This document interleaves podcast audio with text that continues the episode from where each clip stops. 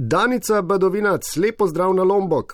Lepo zdrav nazaj v Slovenijo, oziroma dober večer in dober dan. Pozdravljamo na enega izmed otokov v Indoneziji, eh, ki ne spada ravno med največje, vsekakor pa je večji v primerjavi s tistim, ki ste ga naseljevali v svojih prvih nekaj letih tam. Eh, kdaj in kje je bilo to, pa kaj je bil že poglavitni razlog potem za selitev na Lombok takrat? Uh, ljubezen, kaj drugega. Uh, okay, se pravi, moja pot v Indoneziji je štartala z Gilim Travanganom, kjer sem se zaljubila prvo pod vodo, se pravi v potapljanje.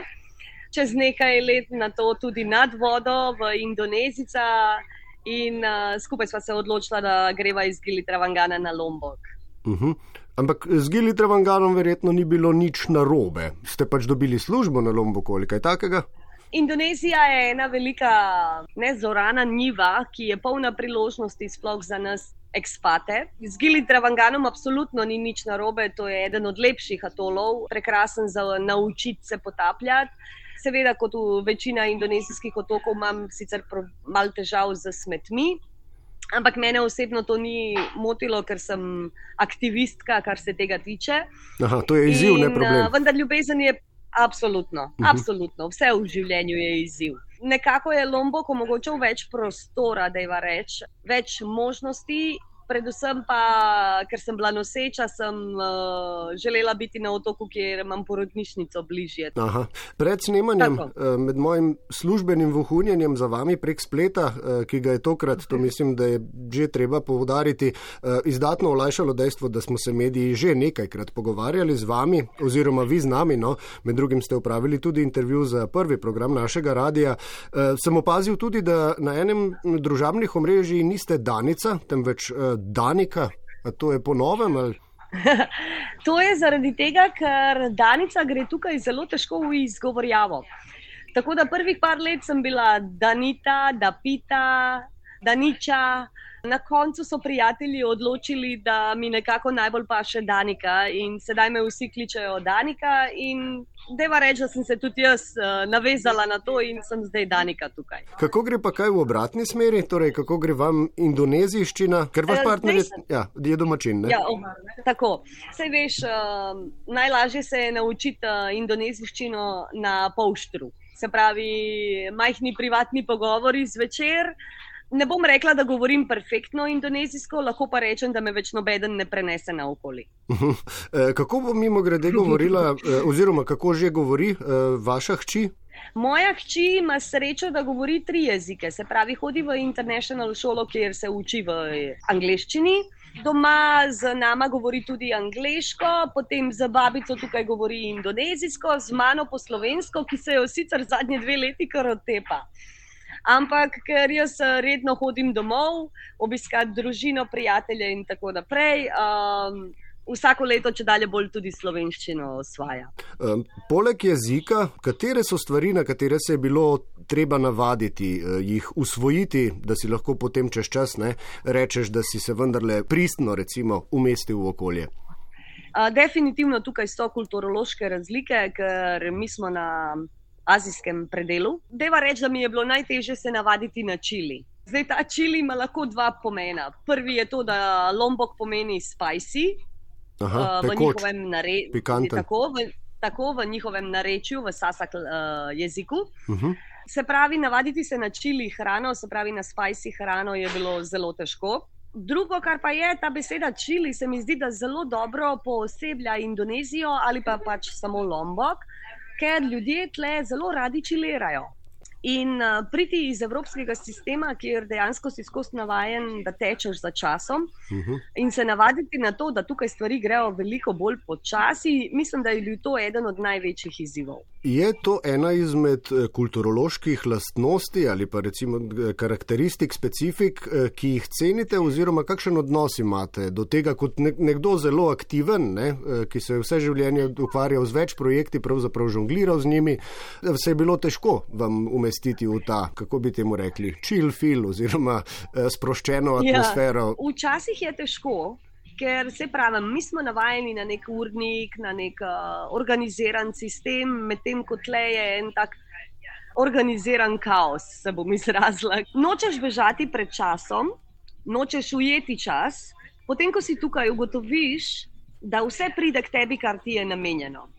Ne glede na to, ali tečeš ali ne. Uh mhm. -huh.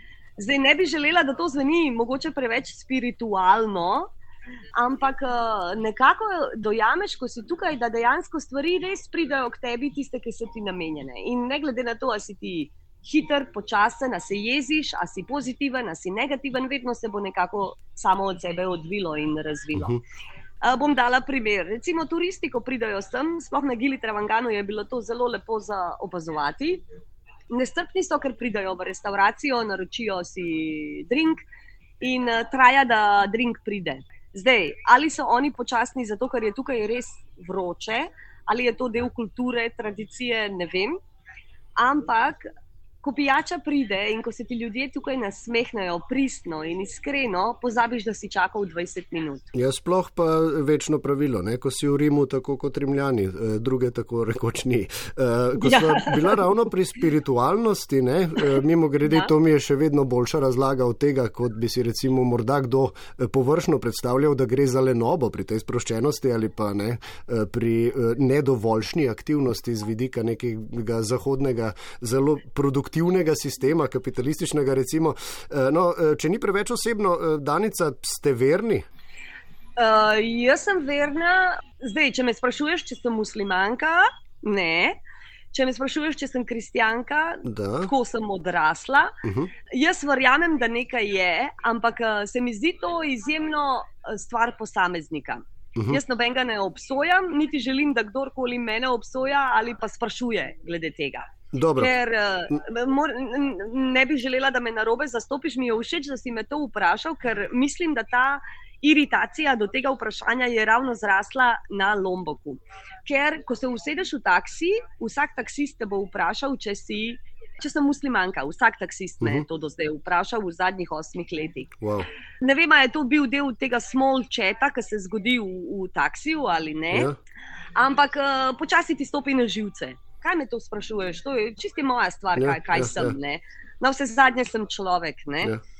No, in, ravno, uh, ravno zaradi tega sem spraševal, potem, ker ne v vsakem primeru ste, ne, če tudi recimo, bi bili katoličanka ali pa kristijanka, recimo, bi bili pripadnica manjšine, ne, zdaj, če pa ste nekaj predvsej bolj nedefiniranega ali pa celo ateističnega ali kaj takega, pa ste pripadnica zelo oske manjšine, ne, se pravi nič cela, nič pet ali koliko odstotkov sem gledal tako, statistike. Tako. E, no, in to me zanima, kako se to izraža recimo v, v politiki vsakdanjega življenja. Ne. Tako bom rekla, jaz živim na otoku, kjer se srečujeta tri religije in sicer muslimani, budisti, hindujci, pravzaprav. Uh -huh. Ker del Lomboka na severu je kar precej poseljen z balinezici. Potem pa obstaja tukaj še ena religija, ki ji rečejo Waktutalu in to je religija, ki prihaja iz eh, plemena Sasak. Sasak so se pravi prvotni prebivalci Lomboka ta Vaktutelu religija je dejansko neka mešanica med uh, hinduizmom, muslimanstvom in pa animizmom, uh mhm. -huh. kar je izjemno zanimivo. Lombočani sami kot ljudje so izjemno spiritualni. Pravijo, da ta otok je tudi poln črne magije, ampak eh, deva ne iti v to debato, ker jaz se ne poglabljam v te stvari. Rado. Je pa zanimivo to opazovati iz enega stališča, ko prihajaš iz Evrope. Veš, ker uh, pri nas je enostavno drugače. Tukaj je religija del vsakdanjega življenja, tukaj uh, mošeje petkrat na dan kličejo k molitvi, s tem se zbujaš vsako jutro. Kot pravim, mene več ne moti, se mi zdi, da je to del tukajšnje kulture in uh, pač živiš s tem če so ljudje zaradi tega bolj srečni in bolj dobri, mene sploh ne moti. Da. Ali hvala Bogu, kot bi rekli oni. E, pogovarjamo se z Danico Badovinac, ekopodjetnico in multipraktikom po njenem lastnem opisu, e, ki živi ter vse mogoče dela in počne v Indoneziji na otoku Lombok. E, Danica, preden prideva k vašim dejavnostim, predlagam, da še malce približate e, tudi našim poslušalcem in meni pravzaprav podobo vsakdanjika na Lomboku, e, sicer daleč od tega, da se vdaj globalna vas ne bi še nikoli pogovarjali o Indoneziji, ampak kot vemo, ne, jo sestavlja več tisoč, menda čez 17 tisoč otokov, na katerih se življenjske razmere tudi kar razlikujejo. No, kako je na Lomboku z infrastrukturo, urejenostjo javnega življenja, prometa, denimo, pa konec koncev z dostopnostjo osnovnih življenjskih dobrin, torej ne, hrana, voda, elektrika, tudi internet, ne, sedno vse zadnje se ja. pogovarjava prek spletne povezave. Zdaj tako bom rekla, daleč je od tega, kar imamo v Evropi, ni vse nastikalo. Električna redukcija se še vedno dogaja, temu rečejo tukaj mati lampu, kar pomeni, ko je mati lampu, je pač tema, pržgi svečko ali pa uživaj v zvezda. Kar se tiče vode, absolutno tukaj še ni pitna, absolutno je ponekod še vedno pol slana, tako da dostop do sveže vode uh, poteka tako, da večina ljudi ima svoj uh, well, vodnjak. So, so, vodnjak, tako ja, se upravičujem. Če imaš več denarja, si ga izkoplješ globije, če imaš manj denarja, si ga izkoplješ bolj plitvo. Kakšno vodo dobiš ven, je vsem jasno, ko kopaš globoko ali pa plitvo. Uh Mhm. -huh. Kar se tiče tega, sistem še sploh ni urejen. Kar se tiče smeti, je pa še veliko, veliko potrebno narediti. Uh Mhm. -huh. Ker Indonezija se srečuje z uh, izjemnim problemom z plastiko, sploh z plastiko za enkratno uporabo, ker so to otoki. Zdaj, pogovarjala smo se že o tem, kako je Indonezija, recimo, tradicionalna država in kako dejansko včasih so ljudje tukaj vse pakirali v bananine liste in v, se pravi, naravne materijale. To se je seveda spremenilo. Ni se pa spremenila navada ljudi, da včasih so bananin list vrgli na tla, sedaj Oj. isto plastiko, se pravi, ko odprejo neko hrano, vržejo tudi na tla. Da. Jaz jih ne obsojam zaradi tega, ker sem toliko let že tukaj in veliko razmišljam o tem. In včasih me žalosti, ko turisti prihajajo in se tako čudijo in grozijo, joj, koliko smeti ima Indonezija. Ampak problem je veliko bolj globok.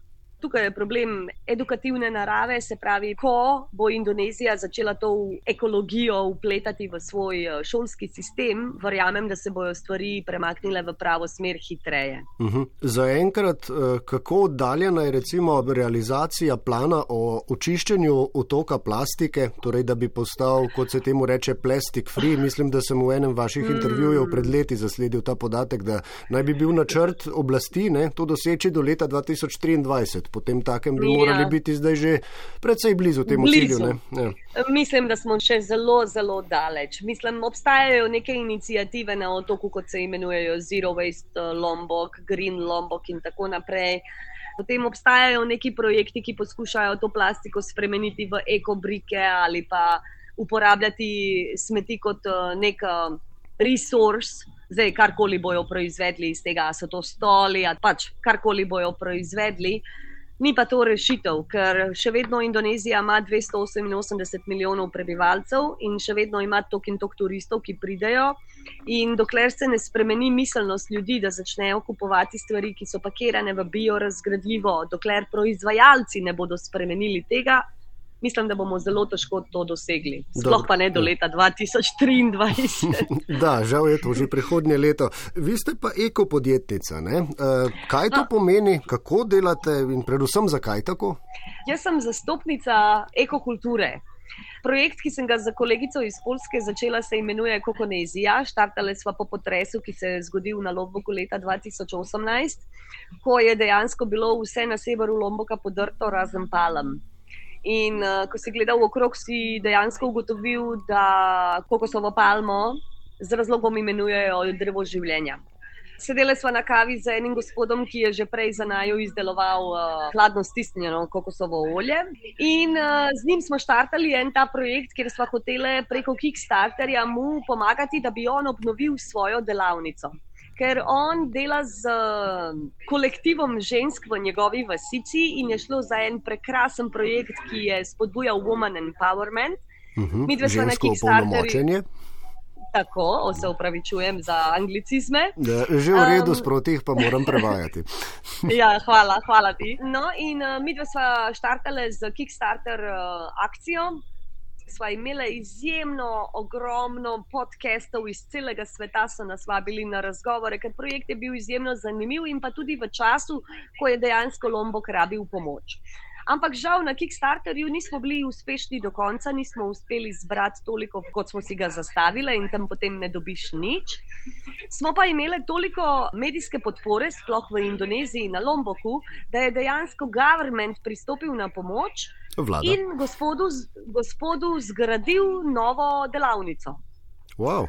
Kar pa je bil, ja, mislim, to se tako redko zgodi v Indoneziji, da ti government nekaj podari, oziroma da ti pomaga, da je bil to res uno. Mi smo bili izjemno, izjemno veseli tega uspeha.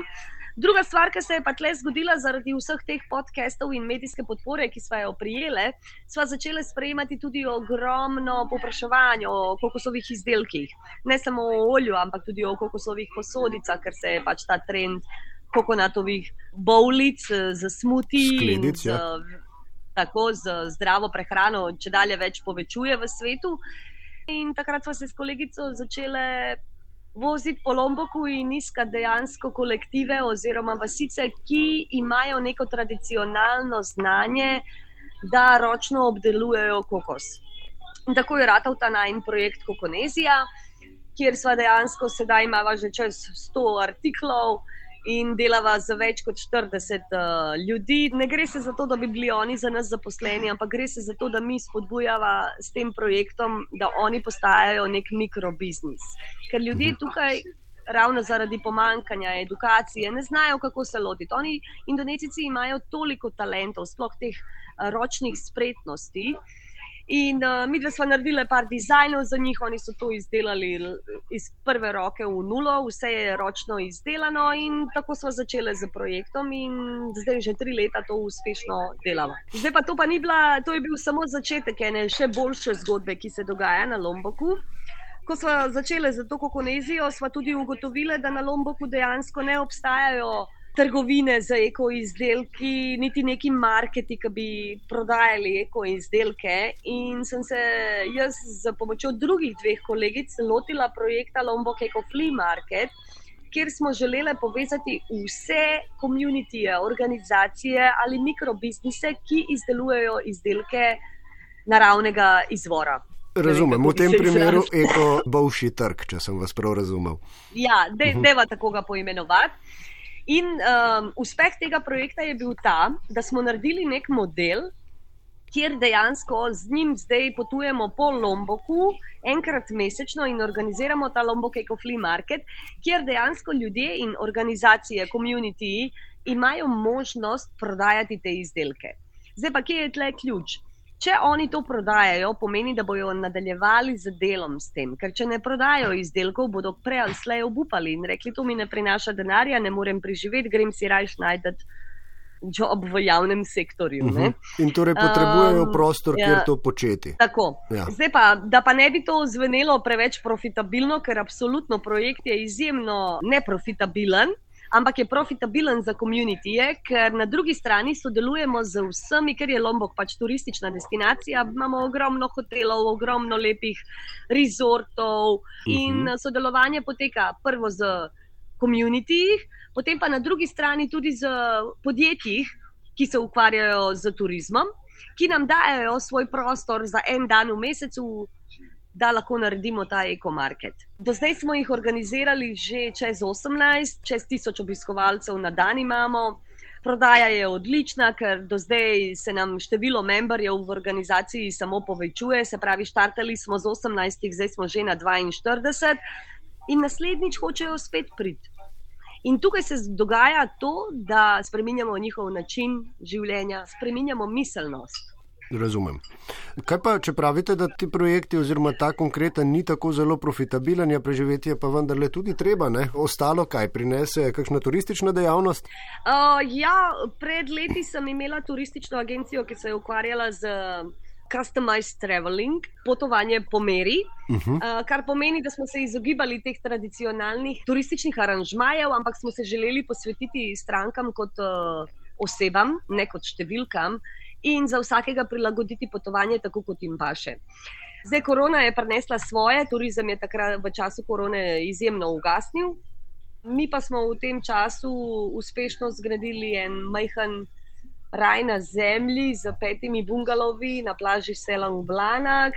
In uh, sedaj se ukvarjamo dejansko z namestitvijo in z uh, Deva reči, da prepletamo popotovanje po Lomboku in pa namestitev. Uh mhm, -huh, dobro, to mi pravzaprav že odgovori na zadnje vprašanje, ki mi ga torej ni treba zastaviti, eh, kje se vidite čez pet ali deset let, kaj najbrž uh, nekje v tem hotelu. Pet ali deset in, let. Ja. Uh, absolutno se vidim še naprej kot aktivistka naravi prijaznega življenja, kjer živimo z naravo, ne samo od narave ker uh, vidim se na to v toplih krajih, zdaj pa bo to Indonezija, bo kakšna druga država, a me bo mogoče korenine poklicale nazaj v Slovenijo, nikoli ne veš. Jaz sem izjemno spontana oseba, tako da ne rado planiram, kar se tega tiče. No. Ne vem, če slišiš zdaj v zadju Gekota. Ja, ga kar je. Ja. Je pa trenutno v bambusu, znotraj bambusa, zato je eko toliko večji. Uh, je pa zanimivo nekaj da tukaj tradicija pravi, da ko nekaj govoriš in če geko sedemkrat reče geko, geko pomeni, da govoriš resnico. Uh. Kje smo bila, ko se je oglasil pri načrtih za prihodnost? Ali... tako, kje se vidim čez pet ali deset let? da, in odgovor je bil ne vem, tako da verjamem vam. Evo, Danica Vadovinac, najlepša hvala, da ste v oddajo Globalna vas prenesli nekaj indonezijskega sonca in morske svežine pa glasu Geka v tem primeru, eh, uspešno in srečno tudi nadalje. Ja, hvala vam za povabilo in vse lepo doma.